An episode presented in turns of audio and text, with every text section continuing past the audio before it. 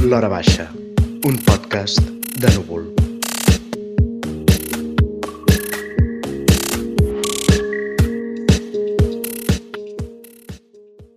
Bona tarda, benvinguts a l'Hora Baixa, el podcast de núvol que fem a la cada cop menys baixa hora de la tarda, molta llum entre avui a la redacció.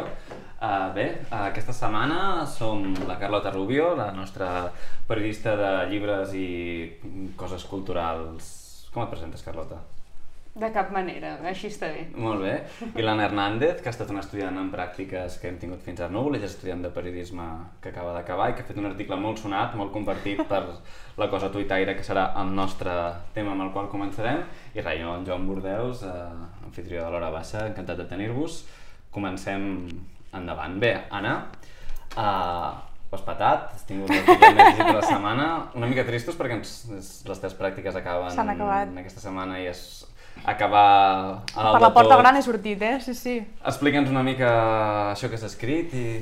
Jo he escrit un article sobre el, el, la situació del català a les aules universitàries, basant-me sempre en la meva experiència i suposo que en l'experiència de, de Barcelona i àrea metropolitana, eh, que té un ús del català crític, Um, res, he explicat bàsicament que amb 4 anys que he fet de carrera universitària m'he trobat en moltes situacions on, tot i que el pla docent, que és un, un document vinculant per moltes coses, ho deixa de ser per l'ús del català, en el sentit que si algun alumne de cop i volta demana que la classe es canvi d'idioma, quan, és, el- quan és en català, uh, no tenen problema els professors en, en canviar aquest idioma, i en canvi quan és al revés, òbviament, quan una assignatura és en castellà o és en anglès, a ningú se li acut uh, demanar un canvi d'idioma. I això ha passat moltes vegades, tinc constància que en moltes carreres uh, també passa, sobretot en carreres de dret, d'economia, aquestes carreres una mica més del nivell, per dir-ho d'alguna manera.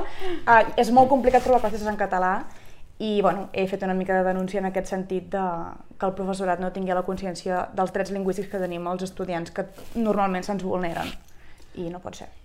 A veure, a mi m'ha sorprès, no? Vull dir, tu, Carlota, també ets estudiant de la Pompeu i jo, que no he estudiat a la Pompeu, des de fora sí que, si d'algun lloc hauria presumit eh, una defensa o una militància activa del català, és de la Pompeu, però ja inclús per, per la felicitat tinc una sèrie de prejudicis que pressuposen un cert tipus d'estudiant de la Pompeu molt català, el qual el català és la seva llengua i no aspira... Bueno, jo he estudiat a, la, a, la, a Blanquerna i a, a la Universitat de Barcelona i si d'algun lloc esperi que tot fluiria, no? és, és, és a la Pompeu. I, I tu has tingut una experiència similar, Carlota, o no pots dir el mateix? Sí, jo crec que sí. Potser sí que té una mica d'això que dius tu, no? Que, que depèn, que la Pompeu potser el que, el que has conegut més um, són els estudiants de periodisme o humanitats, el que parla més de lletres, bueno, però Clar. el que passa que tu ho expliques dins de, de periodisme, per tant, Sí, sí, sí. passa igual. Però si a periodisme passa que hi ha un pèl més de consciència lingüística, m'imagino que en altres carreres passa encara més. Clar, jo dir. vaig, estudiar, vaig començar els estudis um, paral·lelament en periodisme de ciències polítiques i allà ja era un festival, és a dir, allà era molt més.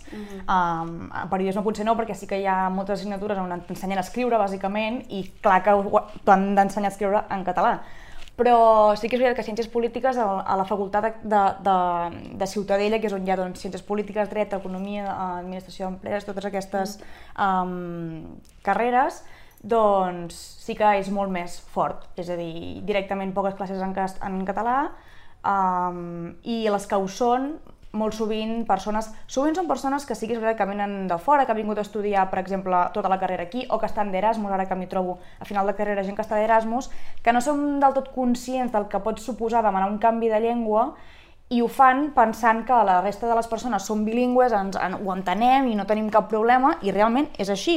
Jo entenc el castellà, parlo castellà, i, i no tinc problema en mantenir una conversa en castellà, però quan es tracta de a l'hora d'estudiar, de, de que jo m'estic pagant una universitat pública catalana, el primer que demanaria és que s'impartís en la llengua materna que tenim tots. A mi aquesta part, això que dius dels Erasmus, és una cosa que, que bueno, no, no ho sé com funciona exactament, però sí que em fa pensar que mm, si hi ha una cosa més burocratitzada a la universitat que els Erasmus, o sigui, als Erasmus necessites 40 processos i Sí. papers a complir, si jo me'n vull anar d'Erasmus a, a, a França, doncs hauré de tenir el B2 o el seu o el no sé què de català. No sé com funciona, per tant estic parlant una mica cegues, però, però jo, si, si es troben, perquè sí que passa que a vegades s'enfaden o Sí. quan els obliguen, quan es troben que la- la- l'assignatura s'imparteix en català, això vol dir que potser sí que els diuen que es parla en català, però potser els diuen a la lletra petita com coses que es fan a Barcelona, dos punts, Clar. menja paella i parla en català. No, vull dir que no crec que estigui burocratitzat com No. que hagin de tenir un nivell, perquè si no, no dic- s'enfadarien.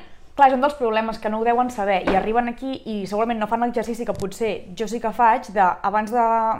Quan no les podia escollir, no, perquè són les assignatures que et donen, però a tercer i a quart, que ja fas assignatures optatives, tu pots escollir...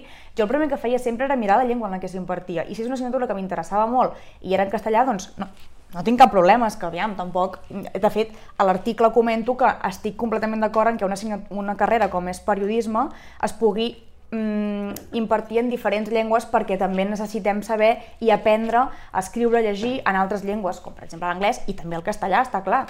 Però jo crec que els, els estudiants d'Erasmus no, no ho deuen saber i no es deuen mirar el pla docent de la mateixa manera que ho, ho puc fer jo i altres companys que ho fem i sempre procurem agafar assignatures potser que estiguin en català o si hi ha dos grups, sol haver-hi un grup en català i un grup en castellà, doncs agafar el grup en català. Clar, però és que va més enllà del pla docent, va en el, en el procés d'acceptació d'un Erasmus, no? Clar. Vull dir, perquè no, a nosaltres no ens agafen si ens en volem anar d'Erasmus a segons on, si no tenim el Si no nivell, parles. el first certificate o el que sigui, o no? Llavors això ja no és ni mirar-se el docent, això és com des de, des de la Pompeu, des del sistema universitari, que no sé com funciona, però jo crec que això hauria d'estar com haver-hi el requisit del certificat d'idioma i si no es fa és perquè ja, mm, bueno, perquè m'imagino que es vol seguir venent Barcelona, la Barcelona cosmopolita Exacte. i tota aquesta història, segueixes volent aquests Erasmus, no te'ls vols perdre, però, però és molt fàcil d'instaurar, és que és molt, molt No, i, que, fàcil. I que hi ha assignatures en castellà, vull dir que aquestes persones que venen no vol dir que es faran un, una, un aprenentatge completament en català, ni molt menys, però sí, de fet n'hi ha moltes en anglès, a tercer i a quart sobretot per aquest, per aquest motiu, perquè hi ha molta gent que ve de fora i per tant se'ls garanteix que podran fer un, un, un aprenentatge en anglès, que suposo que és la llengua amb la que se senten més còmodes la majoria. I em pregunto quina hipòtesi teniu sobre això. No sé si heu vist aquesta setmana un vídeo del Justin Trudeau, el primer ministre de Canadà, que just ha sortit aquesta setmana, en el qual eh, bueno, eh, parlava, estava en un acte públic, amb una xerrada amb ciutadans, i havia, prenia, ell era al Quebec, no sé en quina ciutat del Quebec, i prenia la paraula eh, perquè una senyora del públic clarament um, beligerant, com, com està bé ser davant dels polítics, que s'adreçaven ella en anglès, i era una senyora que havia iniciat una mena de plataforma eh, segons la qual en les zones de parla francesa quebecoa del Canadà eh, el que s'havia de fer, o sigui, que, perquè hi pogués haver atenció en anglès, perquè no n'hi havia. I era guai perquè feia una mena d'intervenció molt categòrica, molt beligerant, llavors Justin Trudeau parava i li contestava en francès, primer dia. Començar a contestar-li en francès, molt bé, això que has dit, eh, això que ha dit vostè em sembla molt bé, Laura de Seré, però com que som al Quebec, li contestaré en francès. I clar, només, només compartint aquest tall, després ja no entrava a la part política, però clar, és una cosa que s'ha compartit bastant, i ho he vist en xarxes, perquè fa, fa inclús tremolar de, de que o sigui, la situació inversa eh, ens és pràcticament inimaginable i ridícula. I sí que és veritat que, que al Quebec i a, o sigui, a Canadà eh, hi ha una separació lingüística forta i volguda i el cinema, per exemple, el Quebec és, o sigui, el 99%, literalment, és com el 98% de les pel·lícules estan doblades o subtitulades al quebequès, quan aquí sabem que és pràcticament impossible, sempre No, estan no totes en passa. castellà. I, I no sé, o sigui, o sigui, fa, fa, és curiós perquè veus un primer ministre que, clar, Justin Trudeau en sap molt, és aquest primer ministre perfecte, mitjons, eh, porta mitjons de colors, coneix molt la comunicació, i és, és interessant perquè gira l'argument aquest cosmopolita de que el cosmopolita seria... O sigui, és, és molt imbècil per pensar avui en dia que el cosmopolita és contestar en castellà o canviar-se a l'anglès. És al revés, si tu tens un mínim de consciència comunicativa, saps que el vídeo se't farà viral i quedaràs com un senyor, quan el que li has a la senyora és no, ja entrar amb el francès, a més un francès perfecte, com no tinc ni idea de si a Canadà tothom domina les dues llengües, era clar que aquella senyora que parlava en anglès era emigrada d'alguna manera, era una migrant frustrada de la, dels Estats Units segur, ella entenc que tenia això, no? Uh, però clar, la, tot comença en la militància del primer ministre en contestar en francès i especificar que li contestaré en francès perquè estem al Quebec. Clar, uh, no sé, em, em va... Jo havia llegit el teu article i just vaig veure aquell vídeo, l'algoritme de Twitter era savi, i me'ls va ajuntar. Clar. I no sé si, si, si, si podeu imaginar, si teniu alguna hipòtesi, de, m'interessa també saber si teniu alguna hipòtesi de per què aquesta aversió inicial i per què en un lloc com el Quebec és tan fàcil que el primer ministre digui com que estem al Quebec parlaré en català i per què aquí és tan difícil? Si teniu alguna hipòtesi, persones de la generació Z que sou... Però és que això que ha fet el Primer Ministre del Quebec és el, és, és, és el lògic a fer, no? En certa manera és el que s'hauria de fer. Si estem a Catalunya i tenim una llengua i es parla català, doncs mm, deixen parlar en català i en tot cas si hi ha una dificultat molt gran per entendre'ns podem canviar el castellà i, i és evident, però també penso que el català, com el francès i l'anglès són dues llengües que són completament diferents i és doncs, també molt admirable que una persona pugui parlar a la perfecció a l'anglès i al francès mmm, el català i el castellà sembla molt, escolta, vull dir, una persona que posa una mica d'esforç en entendre el que estàs dient, ho pot mm. fer. I de fet, moltes vegades aquests estudiants que, que demanen el canvi ho, ho, es, es justifiquen una mica dient és que no acabo d'entendre del tot. T'entenc, però no agafo tots els matisos. Jo penso que una mica no tinc cap teoria de per què es, uh, aquí no som tan punyents amb aquest tema, o almenys a les universitats. Jo crec que intentem ser una mica uh, la mare de tothom i si un alumne veiem que uh, està incòmode, doncs potser mm, no, sí, home, sí, cap problema, podem parlar en castellà perquè som molt tolerants, no? I, i no és una qüestió de tolerància o no, penso que és una qüestió de defensa d'una llengua que d'alguna manera se'ns està morint. Però perquè saben que, que aquests estudiants potser no, no ho saben. A mi la, sensació que em dona és que cap en fora, mm, a mi m'ha passat que gent estrangera em digui com ah, ah però parleu català en el sí, dia a dia, això passa molt. També, mi Llavors, es, es, es pensa, o sigui, saben que existeix el català fora en general, hi ha llocs que ni això, però tenen aquesta idea com del català com aquesta cosa secundària que passa a Catalunya com això, el que deia abans, com la paella, és l'anècdota, és com la segona... Sí, una mica. Llavors, és, si se sorprenen tant i se sorprenen, no se sorprenen a la Xina, se sorprenen als francesos, sí. això vol dir que hi ha algun problema de que no s'està comunicant. Llavors, mmm, jo, a mi, per, jo crec que va una mica per aquesta cosa del, del, del cosmopolitisme que t'estaves dient, de fet això m'ha fet pensar, hi ha, hi ha el llibre aquest del, del Raül Garrigasait, del del gos cosmopolita i no... I, no i, i tres figures... I, tres I dos, sí, són no, més. Són dos més, sí. Bueno, però que està sí. molt bé. Un I que recomanem des d'aquí a Núvol. Exacte, l'acaben de reeditar... Premi a... Núvol. Premi Núvol de llibres. I l'acaben de reeditar a 1984, sí, per tant. Antigament publicat per Contravent, editorial de Quim Torra. 40 falques fetes, sí. llavors... però, però parlar una mica d'això, no? Parlar una mica de com aquesta idea de cosmopolitisme com que s'ha pervertit d'una manera que en realitat el cosmopolitisme s'ha venut a, a, o sigui, ha sigut una mena d'estratègia del, del nacionalisme d'estat com per, per amagar opressions, no? I va una mica així, o sigui, si tu fas veure com no, la Barcelona, la ciutat oberta, ciutat d'estrangers, ciutats on Exacte. pot venir tothom i, i hi ha com tot aquest uh, moviment artístic, tecnològic, no sé què, no sé quantos, eh, i convides a tothom, i a part mm, podeu parlar castellà, que en castellà és, és un idioma que parla mig món, eh? Mm doncs vens una, una imatge i una marca que no vens, o sí que podries vendre, però no volen vendre en català.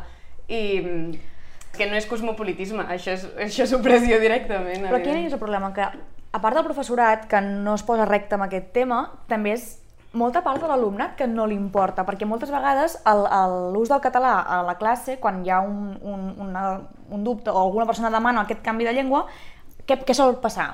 Votem no? Som molt democràtics i votem, com si l'ús de la llengua pogués sotmetre's a, a, a votació. I, I moltes vegades, la majoria de vegades surt que sí, que podem canviar sense cap problema. Per tant, això són els alumnes els que, els que consideren que sí que es pot canviar. Per tant, hi ha molt poca consciència en aquest sentit per part de l'alumnat, que també és el que dic, és alumnat en general el que deies, no? Creia que la Pompeu hi anava gent amb molta consciència del català.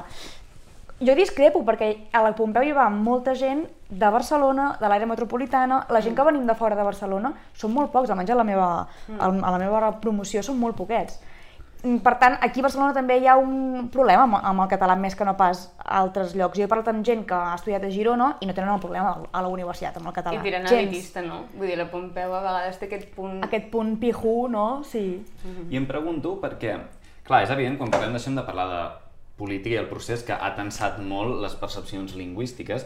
I clar, o sigui, és molt evident que això és, és hereu, aquest, aquesta mena de cosmopolitisme que fa mandra de la llengua que diu no importa en quina llengua parlem, és hereu d'una certa Barcelona que no és la vostra, que és la persona de Pasqual Maragall, als anys 90, Barcelona posat guapa, una idea de, una mena de el que es concebia en aquell moment, que les diferències culturals eren algo merament cosmètic i no tenien cap cosa important i per tant mm. uh, tant li feia la llengua i una mica el, aquesta cosa maragallista de ja no cal que ens barallem per això i en canvi s'ha vist amb el procés que ens hem tornat a barallar mm -hmm. per això i evidentment el que ha fet això és, és, és una paraula horrorosa, però ha polaritzat moltes discussions i molta gent que no tenia... Llavors ha fet que molta gent no, prèvia, això que tenia aquesta consciència, a mi em sorprèn que encara quedi gent que no s'hagi polaritzat, no? que prèvia a, a, al procés entenc que algú digués ah, les llengües no serveixen només que per comunicar-se, però si per alguna cosa ha servit el procés és per uh, o, o ha fet, és dir, ara ja tothom té una consciència que la llengua no és només un instrument intercanviable per comunicar-se i, i per bé i per mal, és a dir, la gent que vol si tothom entén això, també, clar, hi haurà molta gent que des de la més, el més fort dels cinismes, el que voldrà és el castellà, perquè com que sap que la llengua no és un instrument per comunicar-se, farà servir aquest argument sabent precisament que la llengua no és només un mm -hmm. instrument per comunicar-se. Mm -hmm. Sí, jo us volia fer la pregunta si, perquè venint aquí no reflexionava sobre aquest tema, si creieu que potser hi ha persones que no volen ser tan militants amb el català perquè hi ha com una mica... S'ha arribat a crear com la concepció que la persona que lluita o que sempre parla català, que entra als llocs parlant en català i si li contesten en castellà segueix en català, que jo admeto ser una d'elles. No, no, um, no és el que s'ha de... Aquí teníem un consens fort que... És el que s'hauria de fer, però potser si creieu que hi ha gent que pot associar aquest tipus de persones amb persones independentistes directament. És a dir, el català amb l'independentisme i a la tolerància amb el castellà amb el no independentisme. I potser hi ha persones no independentistes que es poden sentir atacades si els demanen el camp, que, no sé, pregunto, eh, si creieu que es pot, pot haver aquesta associació d'idees. Bueno, més que, més que independentisme o no independentisme, potser més amb cert tipus d'independentisme, no? Com aquell independentisme que potser eh, la gent més jove um, està desencantadíssima, l'independentisme com que no sé com dir-li, com el, el, és que el tietisme no m'agrada com a concepte perquè no, no, no m'agrada, però bueno, ens entenem amb el que vull dir. Però llavors potser a la gent més jove potser sí que passa això, no? Com que no vol ser aquesta persona que només té un compte de Twitter amb un llaç groc Exacte. i que no sé què, i sí que mm, potser s'associa, no ho sé.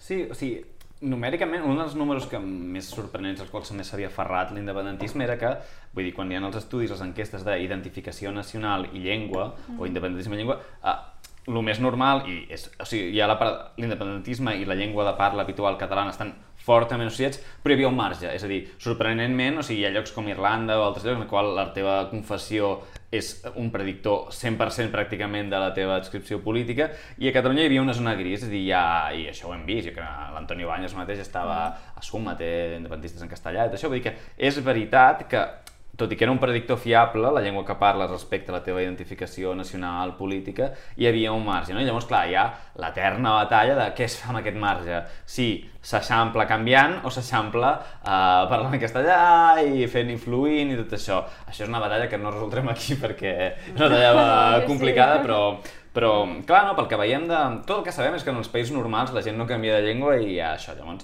Clar, el que, també el que sabem és que hi ha pocs casos de llocs al món on hi hagi un estat amb dues nacions i dues llengües. Ara mateix acaba, acaba de guanyar les eleccions la Nicola Sturgeon a, a Escòcia, que demanaran un referèndum d'independència, però els escocesos no parlen, els escocesos parlen majoritaríssimament anglès, no? I en el cas del Quebec, clar, eh, el seu pulsió nacional, amb un primer ministre així, vull dir, genuïnament van aconseguir tot el que volien, vull dir, l'independentisme eh, és, el somni humit de la tercera via eh, eh, eh, és, és, és Canadà, però és que clar, a Canadà eh, el primer ministre fa això, aquí és, clar, és, té, és impossible té, té de pensar. Té polítics i té, i té unes, unes autoritats que, que lluiten i són els primers en, en fer-ho. Sí. I a mi em sap greu, com, coses molt, molt simples, com, però com els comunicats d'alguns comunicats de l'alcaldessa de Barcelona, per exemple, que, que, que el sap primer en castellà i després en català, per què?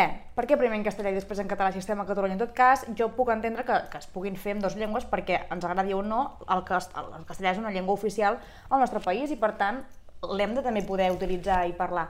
Però per què abans en castellà i, i després en català? El Barça també mateix. Ja sé que no té res a veure amb els polítics, però és molt influent. El Barça és, un, és una catapulta mm. a nivell mundial de, de Catalunya.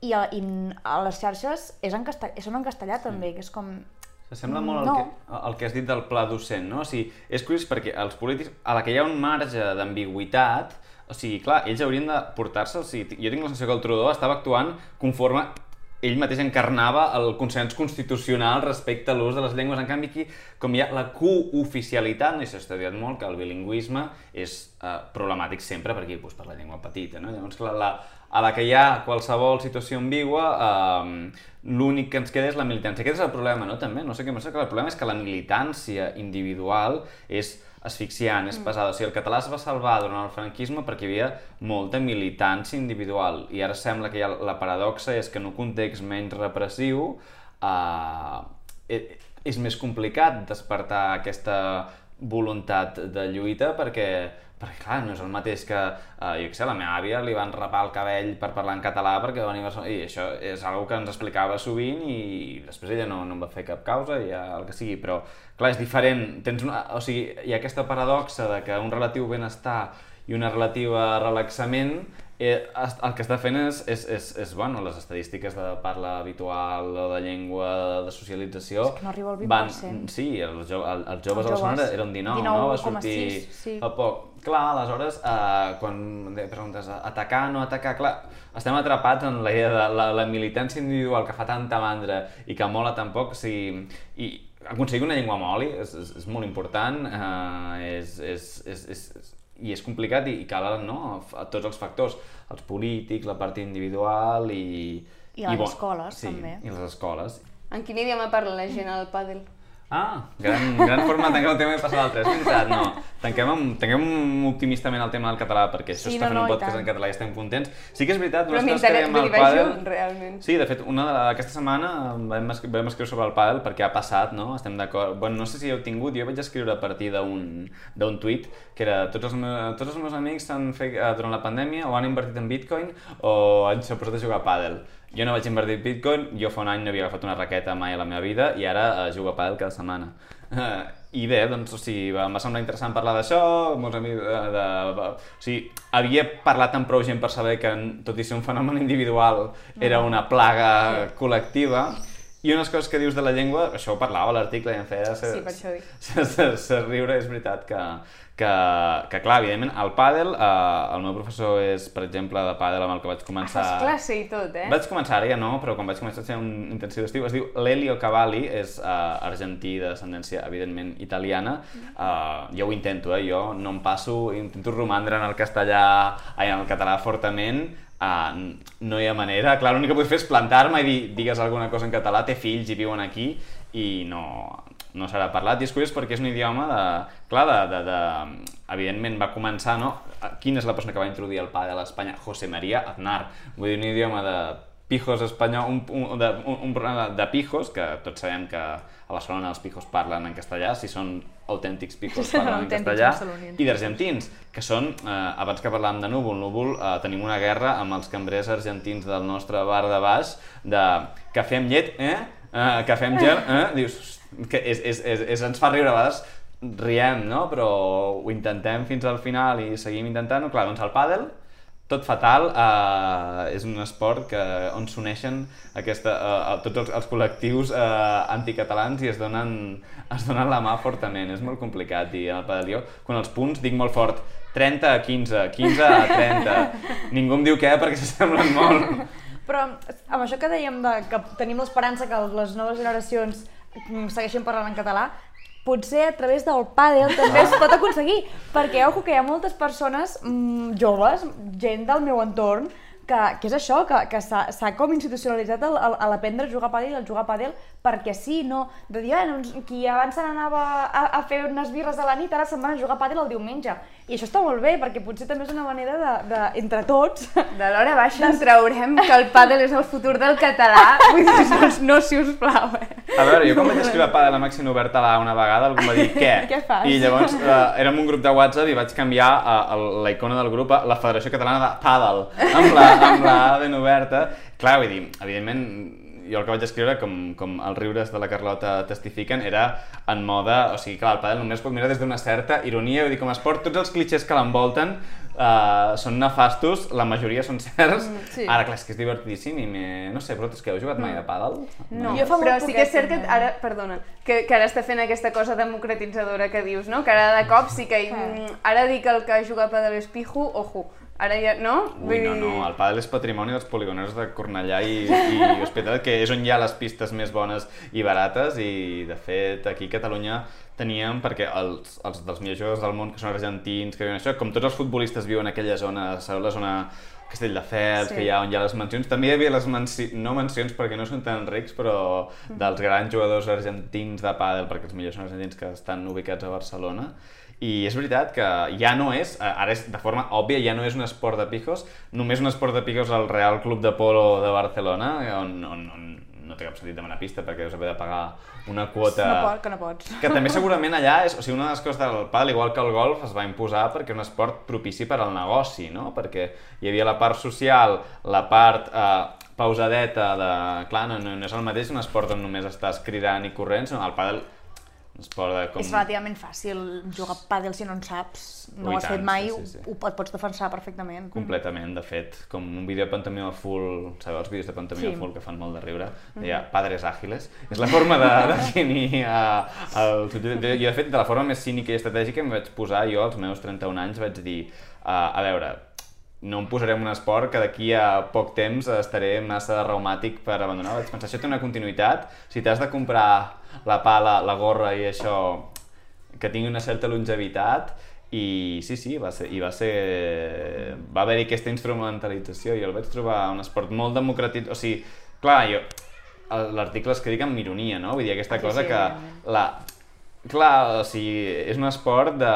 Clar, hi ha molts esports que tenen una aura um, més... El futbol, per exemple, té una aura de, de classe, no? De fet, a, a, al regne... O sigui, o, o, o política, no? Els catalans sabem que eh, no és el mateix l'Atlètic de Madrid eh, o que ser del Real Madrid, perquè una cosa està associada a uns barris, una tradició, perquè són esports de, bueno, de, de, que ten, van néixer orgànicament, de, de, de gent que sortia de la fàbrica i s'ajuntava per fer un club esportiu i, per exemple, l'Arsenal no, de, de, del Regne Unit és perquè eren els treballadors de les fàbriques de- Sí. d'armes, no? I, i intenta mantenir uns certs valors que tenen a veure en aquest cas una cosa de classe. En canvi, el pàdel és un esport manufacturat, això explica l'article, va començar en la mansió d'un senyor que es va decidir envoltar per una tanca la seva pista de tennis. Llavors, és un, que és un esport sense història, sense context i que tots aquests tu pots dir moltes coses amb, la, amb el futbol, el bàsquet, no? quan tu vas una canxa de bàsquet a, a, a Estats Units, al Bronx, té un, és, és un esport que, que val 0 euros posar-s'hi, que estan allà al vora, vull dir, té, té un carrer, context sí. social. El pàdel és nefast en aquest sentit, és tot un esport de... és pur joc, és com un videojoc, dir, no, no té context en el món real, està engaviat, vull dir, és molt divertit, però genuïnament no té una història, només té una estètica i un entreteniment, és un esport... Però és molt curiós com de cop i volta eh, hem canviat com el nostre, bueno, com el nostre ideari del, del pàdel, perquè jo potser fins fa no ho sé, dos anys, no se m'hagués acudit mai agafar una raqueta de pàdel i posar-me a jugar. Has jugat perquè... Sí, sí, sí. Has, has caigut Ah, també. havia Has que no, jo havia entès que no. Sí, Ah, Ai. he caigut, he ja caigut està, també. És a dir, no, no, ho faig, no ho faig gaire sovint, però algun cop, des de fa, ja et dic, potser un parell d'anys, Ah. que, que sí, sí. Hosti. I, I és que és això, a mi no se m'hagués acudit potser fa un parell d'anys agafar una raqueta de pàdel perquè ho veia com una cosa molt altiva.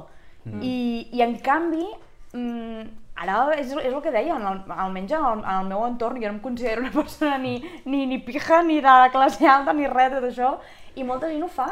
I, I és com ara ja no fa por parlar de pàdel sense que se't consideri una persona potser més superba o... Doncs no? amb això em trenques la meva teoria, perquè jo, a mi la que- part que més m'havia interessat del teu article és la part on parles de, de on dius si algú té, té ganes de, de voluntat de poder del cos, que vagi al tennis o alguna així. Això deia, I vaig sí. pensar, aquesta soc jo. Per mi, el pàdel és l'avorriment absolut perquè no, perquè no estàs... Um, per mi l'esport és, és anar a, a treure l'adrenalina del cos. I llavors, eh, a mi m'agrada córrer, m'agrada nedar, m'agrada com tot el que sigui, com anar cap endavant i, i, i m'aixecar el cos fins que em cansi. Tot el que és com racional i reposat en l'esport, no, per mi no compleix la seva funció. Jo pensava que era una cosa de, potser en algun moment, de la teva vida, sí que busques aquest racionalisme de, de... Bueno, tu li posaves com un punt com de confort, no? Com que és reconfortant, deies que, que, que si se'n va la pilota en una cantonada que no sé què, que dona la segona oportunitat. Clar, sí, sí. Llavors, és un punt, és un punt reconfortant que, que jo no busco a l'esport i jo em pensava que, que hi havia un tema generacional, m'acabes de destrossar la meva teoria. No, a veure... Potser sóc jo, eh, que, que, que hi conec a molta gent que curiosament hi juga, però, però de fet jo no m'he posat a jugar per, per, com tu que un dia vas decidir, faré pàdel. No, jo m'he Mm. posat a jugar perquè gent del meu entorn m'hi ha portat a jugar a pàdel. Mm. Sí, però, però tu, per exemple, per a la córrer, nedar, que sí que és un esport genuïnament de consum calòric del cos, però, per exemple, jo què sé, uh, tots els esports, el bàsquet, jo he jugat, abans, l'únic esport que he jugat seriosament eh, era bàsquet, i, o sigui, el bàsquet, per exemple, és un esport que sembla molt masculí, però és bastant mentida. En reforma, el bàsquet, qualsevol cosa és falta personal, i el bàsquet té molta sofisticació, molt de moviment. El tir, per exemple, que té aquest gest característic, que és un gest que ja es veu que no és de conquerir l'univers, no és boxa, per entendre's. I és curiós que, ui, un cop t'hi poses a pensar, vull dir, Messi, el millor jugador potser de tots els temps actualment, un jugador baixet, el qual, eh, que eh, eh, hi havia com aquest, aquest xoc Cristiano Ronaldo esprintant molt fort, molt de múscul contra aquest una cosa com un efecte, que sempre aquest punt de... Clar, els esports tenen una dialèctica, hi ha alguns que són molt d'intel·lecte, molt de puteria, no? d'anar a buscar l'efecte, la trampeta, i altres, clar, tu just els que t'agraden a tu són els que són de, de buidar-te Buidar eh, sí, sí. físicament. Clar, uh, la, a mi m'agrada Però la- aquests que l'equilibri estàs és dient guai. estan al mig. No? Sí. El bàsquet Sí. i el futbol estarien al mig. Per Sí. això a mi el, el pàdel em sembla aberrant perquè és, és aquesta cosa continguda constantment cap problema. I entenc el, el poder del pàdel en època confinament, això, Mm. ho entenc perfectament. Sí. Però, però clar, no, a mi em sembla l'oposat del que jo buscaria de- de- d'aquesta Sembla que no hi et descàrrega. canses, eh? et canses. No, però ma, ma, em sembla una forma correcta d'argumentar-ho i m'agrada bastant. I al final hi he fet un article contra el pàdel des de l'amor al pàdel més absolut. Però, però bueno, clar, va, no, no tinc forma de girar això cap al teu tema, Carlota, però sé, t'he t'he llegit aquesta setmana i uh, l'únic que puc dir és que uh, els esports també ens ajuden a construir una història de qui som i d'allò que fem. Tu aquesta setmana has parlat de storytelling, l'storytelling com a defensa, i de fet és veritat, no? Quan parlàvem, eh, l'esport és una cosa en la qual construcció d'identitat, explicar-te una història. Però és molt guai el títol de storytelling com a defensa. Entonces, és una... Anglicisme, vaig en contra del... Sí, sí, No en contra, entre parèntesis es però ficava no, que l'art d'explicar històries. Clar, dius, és que, és que com... És que no tenim la paraula. Llavors, de veritat que jo normalment intento no posar l'anglicisme i, i de, bueno, això que acabo de dir és mentida, perquè se me n'acaben colant molts. Però sempre des del coneixement. Sí, però és que en aquest cas, imagina't, l'art de narrar una història...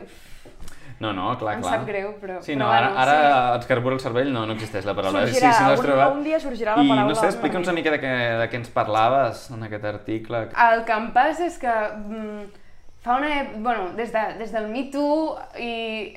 Bueno, és que això és sabut per tothom una mica, no? El feminisme de moda um, fa que hi hagi 40.000 productes culturals, siguin pel·lis, siguin llibres, siguin el que sigui, que és mm, gastat i és, és avorrit i que normalment és això, parlava de les, de les relacions d'abús, però després hi ha altres tipus, però les relacions d'abús que sempre això, potser passen per sobre a, a, l'abús psicològic, però amb quatre insults, llavors ja directament hi ha la bufetada cap a la noia, llavors hi ha això que deien l'ull amb un blau i, i mal tapat perquè per donar-li una mica d'èpica, i llavors hi ha com tot el judici, llavors no, i és com tot té un punt tot moralitzador i avorrit, perquè evidentment la vida mai és així, mai...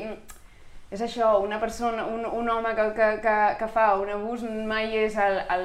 o ara sí, però poques és el tio encaputxat de la, de la cantonada. És com... No. Tot, té, tot té grisos, no? I que això sona com a, a, a anar a favor de l'equidistància i no estic dient això, però vull dir com que les pel·lis moralitzadores només reconfortaven d'una manera banal. Llavors, em dóna la sensació que això mm, del Me Too ja fa una estona, llavors eh, cada cop la gent se n'adona més, i llavors, bueno, això, a l'article posava uns quants, uns quants exemples de gent que crec que no fa això. Eh, de fet, també vas parlar en un, en un article sobre llibres que, que sobre tractaven llibres, aquest tema. sí. I crec que, crec que està bé, està bé a nivell social, perquè és això com... Um, això de la Rocío Carrasco, que potser és el màxim exemple de, de la cosa ara com a nivell mediàtic, ha, ha, ha fet disparar les trucades, per tant, a nivell social té un impacte, però també... O sigui, jo, a mi en aquest article potser la part en la que em centrava més en la part cultural, de, també a nivell això de storytelling, obres possibilitats i pot ser creatiu per explicar una cosa, és això, com que un producte cultural tingui política dins no vol dir que el producte cultural hagi de ser mm, un eslògan moralista i avorrit i que amb uns bons i uns dolents. Jo crec que pots jugar amb aquestes coses i, i millor que es faci, no? No sé. Quins exemples posaves? Vull dir, per això, o sigui, uh, perquè, o sigui, una mica el metaproblema aquest del Me Too és, és, és això, però, mm. o sigui, també està bé, o sigui, clar, ara és el típic, que diràs coses que no hem vist, que no hem ve d'això, però una mica quin ha estat el, la, la, lo de la Rocío, ha estat la teva no, de fet, xispa que t'ho ha fet detonar? No, ha sigut o un llibre de la Flàvia Company, que està, està eh, que es diu La planta carnívora. El que passa que no el signa ella com a Flàvia Company, sinó està signat com Andrea Mayo. I, de fet, m'ho va fer pensar el fet de que aquest llibre tracta d'una relació abusiva, en aquest cas són dues noies, però bueno, també explica tota una relació abusiva, no sé què, i la, això m'ho va fer pensar el fet de que en aquest llibre tots els capítols estan, el número és el número 1, no hi ha el capítol 1, 2, 3, sinó tots són el 1. I això m'ha fet pensar, hosti, que, quina, quina d'allò, perquè amb aquest, bueno, potser estic fent aquí la meva interpretació que m'he inventat i no Endavant. és la que, la que toca, però bueno, la meva interpretació va ser que mm, que aquest posar-li el número 1 deixava tot el llibre i per són capítols molt curts i no expliquen la relació d'una manera com molt cronològica, molt de primer em va insultar, després em va donar una bufetada, després em va donar una empeta, després no sé què, sinó va explicant detalls molt específics del tipus eh, que la, a la parella li agradava dormir a sobre de la noia tot el rato i que no hi havia discussió en el fet de dormir a sobre i que això amb ella s'acabava despertant amb, una, amb unes contractures i unes històries molt grosses però que no, podia, no era discutible. És com, és molt específic i sempre curt i sempre amb el número 1 en el... En el... Clar, com que la història no avança, no? Clar, llavors tot això canviava una mica la narrativa d'una relació abusiva que ens la sabem de memòria a la ficció, mm. perquè és com de cop tot tenia una pausa i tot tenia aquesta, aquesta idea d'espiral i de... perquè evidentment, bueno, no ho he viscut, però m'imagino que la, la, la violència va augmentant, però no va augmentant d'aquesta manera lineal d'una narració avorrida, sinó va fent aquesta cosa d'ara sí, ara no, ara una mica més, ara una mica menys, perquè, no? Llavors, donava aquesta idea amb les, amb les formes del llibre. Llavors, mm, bueno, la Rocío Carrasco és una storyteller mm, boníssima, o sigui, realment, més enllà de la història, a nivell de com ho explica, mm t'atrap, bueno, i com està creat tot el documental, està fet d'una manera, això, com molt tranquil·lament, molt a poc a poc, molts detalls, molt... no sé, i mm, després hi ha la peli, la peli aquesta que ara ho està patant per tot arreu, que és la... Uh, una joven promete, una promising... Joven, una promesa, sí. Ah. I... no giraré el títol per dir... per fer un punt sobre... Doncs, per què no sou joves? També, aquesta sí que té un punt, per mi, més comercial, perquè és una pel·li, dintre de tot, que és comercial, però també juga, jo què sé, els colors són tots pastelosos i la nena, la, la protagonista va tota l'estona vestida de manera com molt, com molt, molt, anana, molt femenina, molt això... Infantilitzada, no? No sé si... Sí, sí, una mica. Doncs, no sé, o, o els això, el fet de que els actors, tots els actors, parla d'una violació, llavors totes les persones que han no participat sinó presenciat, bueno, participat en el sentit de no acusar una violació, doncs tots els actors que són aquesta gent, so, jo què sé, hi ha el Bob Burnham, hi ha el, el com es diu, el, el noi de New Girl, el Schmidt, el personatge es diu Smith, bueno... Jo coneixia molt la que era la Trudy de Mad Men, que sí, exacte, molt la aquesta... Trudy de Mad Men, que la Trudy de Mad Men és del era, millor que hi ha a Mad Men. Era fantàstica, Llavors, sí, com, sí. bueno, un personatge, personatge femení, potent, que et cau bé des del dia... Tot, tots els personatges que són teòricament culpables, però no saps si culpables del tot, perquè són un, aquell gris, eh, són personatges simpatiquíssims a altres llocs. Llavors, tot això és això, com el que m'interessava era lo, no la, la història en si, sinó com han acompanyat aquesta història per, per jugar amb, amb, amb no dir-te que, jo què sé, a la, a la foto de l'article surt la, la noia d'Eufòria, de, que no Madi crec que es diu, que tant... Quina d'elles? És la, la... Bueno, la, és que no me'n recordo no, exactament la no trama, però, però funciona, bueno, això, té el nòvio, el nòvio l'escanya, llavors ah. apareix a l'escola amb les ulleres de sol al coll, no sé què, aquesta imatge és molt, ah, com molt manida. I, I no sé, m'agrada que estiguin explorant coses. En A mi hi ha una cosa del teu article que m'ha agradat molt, que és això, el, el fet que suposo que va molt lligat amb el del tema de la Rocío Carrasco, que és que cada vegada les històries sobre abús, sobre violacions, etc estan o escrites o, o produïdes o, o hi ha més, es dona més importància a les persones que ho han viscut. Exacte. I que d'aquesta manera també es pot fer un contingut molt més rigorós i, i no tan mm, banalitzat o espectacularitzat, perquè segurament les persones que no vivim això i sobretot també homes que no han viscut mm. això ho volen fer-ho tan bé que es passen i se'n van a un espectacle que no s'ha- no s'adiu gens amb la realitat de la, dels abusos, que els abusos no tenen per què ser sempre emmurats als ulls, ni molt menys, i en canvi ara cada cop s'estan fent més, jo parlo més de llibres perquè potser és el que més he, he vist, però persones que han viscut, que han sigut víctimes i que 30 anys més tard trenquen el silenci i ho fan amb unes històries impecables perquè elles saben perfectament de quina manera s'ha d'explicar això. Exacte, i perquè per molt que hi hagi violència física o violacions, el que de fet, el que destaquen sempre els subjectes de la història mai és la, la, la bufetada, perquè la bufetada és la conseqüència de tot el que he dit abans, és això, la Rocío Carrasco què fa? Explica exactament això, ara es parla molt del llum de gas, no? Doncs què feia aquesta persona perquè la, la, uh, per, per considerar-se una manipulació psicològica sí. molt subtil, que no sé, com, com aquest picar petit a petit, no? I no sé, jo crec que, que és interessant aquest canvi. Sí, bueno, el, el, el, el tema de l'storytelling a mi m'interessa també, o sigui, és, és, és la cosa de sempre, no? Entre, o sigui, ara mateix acaben de tornar a estrenar el Cuento de la criada, una sèrie nefasta, no la mireu mai, horrorosa, que fa tot això malament, perquè està...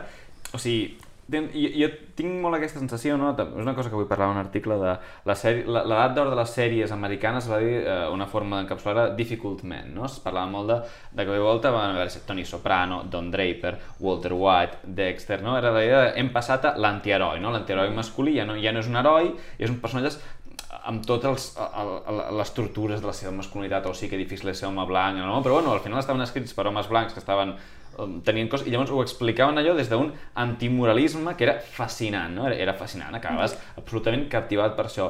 Clar, eh, per exemple, el producte aquest, eh, el cuento de la criada, és, és el contrari, és quan això va, això va sortir espontàniament d'una edat d'or, com passa a vegades hi ha una mena de conjuntura cultural que crea una exclusió, llavors a una, uh, què va passar? Quan es va veure la gallina dels ous d'or, les productores van dir anem a fer el mateix amb dones. Cada cop que això va passar, fracàs absolut. Clar, per exemple, en, del mateix període, Girls, de la Nina Dunham, que no sé si heu vist la sèrie, és una obra mestra, és una sèrie fantàstica, meravellosa, perquè la Nina Dunham va fer, va explicar la seva història també, o sigui, si avui en dia hi ha una Nina Dunham, el problema és que vindria una Netflix a dir-li fes la teva sèrie en la qual parlis d'això des d'un missatge prefabricat i no li donarien el temps a explorar les coses de forma orgànica, explorar els mecanismes a través dels quals explica la història i ja es buscaria de coses que també veiem molt, que a vegades són interessants i a vegades són indignants, com les quotes, no? les quotes d'actors, de, ah, moltes vegades no clar, un personatge està allà per ocupar la, la quota de personatge racialitzat, no sé què, personatge asiàtic, personatge, aquests washings, no? que hi ha tots aquests Sí. tipus de washings, que, que, que són criteris de producció, bills, i, i clar, és molt interessant que explicaves, per exemple, a mi jo he vist Pretty Young Woman, em sembla una pel·li, no m'ha agradat gens, una pel·li que trobo que, o sigui, trobo que tot el que intenta, o sigui, el problema és que intenta fer moltes coses, però com a pel·li, o sigui, com a història, no està ben construïda, les motivacions dels personatges són absurdes, els girs de guió, o sigui, la història és tan meta que no és una bona història, uh, però aquest, aquesta idea de subvertir, per exemple, els clichés dels actors que la formen part, mm. és superinteressant, això, això ha funcionat molt en... Digues, no? No, no, no, estic, Ah, estic d'acord, que, que sí. lo interessant en aquesta pel·lícula per res és la història, és tot Sí. el que l'envolta. Però, dic, no, dic que això, això és molt maco, per exemple, aquí a Catalunya hem vist, i me'n recordo molt, el crack del Joel Joan, i és una d'aquestes idees, la idea, he creat un personatge i quan guanya la història és un mecanisme de, el fet de jo ser Joel Joan i tot el que sabeu de mi, l'actor Joel Joan, puc construir sobre aquesta, aquesta coseta, no? També per això la no ficció té aquesta cosa que tira tant de saber d'alguna manera que allò ha passat realment produeix alguna cosa, produeix un canvi respecte sí. a la ficció. La, la relació amb el contingut és diferent. Clar, en el cas de les narratives, clar, això, el Me Too ha estat una cosa que tenia, és uh, superimportant a nivell polític, social, això, llavors, però evidentment les productores d'històries s'hi han eh, abraonat uh, pel potencial econòmic que té. Llavors és molt diferent que tu tinguis la teva història desenvolupada amb uns criteris estètics, personals, que no que tinguis uns imperatius de producció. Hi ha una que és, a mi em va semblar horrorosa, que és una, no me'n recordo com es diu, una pel·lícula sobre, sobre un, els casos de Fox de- d'Estats de, Units, Sí. que també era això, un producte del Me Too, que hi havia el, el no me'n recordo ara de com es diu, però un dels jefazos de, de, de Fox que havia comès també moltes històries d'abús i tota la història de com les dones... en poder- Que, que és això, que al rerefons estem tots d'acord, vull dir, al rerefons Clar. ningú el vol criticar, evidentment. La cosa és que aquest producte és quasi que més nociu... Bueno, no ho sé, perquè potser sí que arriba a alguns sectors que, que, que ja els hi va bé que sigui així, no ho sé. Però, però bueno, que, que donar-li complexitat també és posar en valor el problema, perquè tractar el problema com una cosa lineal i fàcil és, és mm, des, bueno, treure-li tot el que realment implica, que és molt més que, que, que hi hagi el senyor de no sé què que, que pega una bufetada qui sigui, no? Bueno, i que no, no ajuda que potser moltes dones que estan patint aquestes agressions i que no ho saben um, es, es mimetitzin amb els personatges, perquè quan fas una història tan lineal potser és com, no, si a mi el meu marit no em pica, per tant, no, no, no... a mi no m'està passant això, en canvi el que ha passat molt amb el, amb el cas de la Rocío Carrasco és que moltes dones de, de l'Espanya profunda que en cap cas han pensat que el seu marit les estigués um, maltractant, tot i que no hi hagués una violència estrictament física, veient això a, a través de, del, del canal on han vist això, se n'han adonat que és molt més complex del que sembla i que, per tant, es veuen, es, es, es mimetitzen una mica amb la Rocío Carrasco i, i, i fan el pas no, de, de trucar i de dir, val, a mi també m'està passant una cosa similar. I fent un, una història lineal, intentant-la fer simple, impedeix que moltes dones es puguin veure també reflectades amb això. Sí, és, això hem anat acabant perquè ja se'ns acaba el dia, però ja ho veieu, estimats oients, que la, una cosa bonica, abans discutíem si eren periodistes culturals, crítics culturals, la, la cosa cultural té la lectura estètica, la lectura política, la recepció, la creació, és, és una feina que ens agrada, vull dir, ens agrada molt, potser està millor pagada, però la, la, la gaudim molt i, bueno, com estem molt contents de poder... O sigui, una mica tenim aquesta sensació d'airejar totes aquestes capes de les quals es pot llegir una cosa cultural eh, durant una hora d'un podcast som aquí crítics culturals precaris dient allò que no podem dir i totes aquestes vetes que acaben lligant una amb l'altra. Esperem que us hagi agradat eh, saber el que realment pensem i no surt als articles. Hem, eh, som la Carlota Rubio, la Hernández, darrere de les càmeres que no l'acostumem a mencionar, sap greu, tenim l'Helena Guasc, la nostra realitzadora, i en Joan Bordeus. Això és l'Hora Baixa i esperem que us hagi agradat el nostre storytelling. l'aire i la ventada en tota l'esma del seu cos. És el cargol de les marees tombant cap per avall al món. Temps és una corda de llandera que lligada a una baldufa gira i gira i fa capoll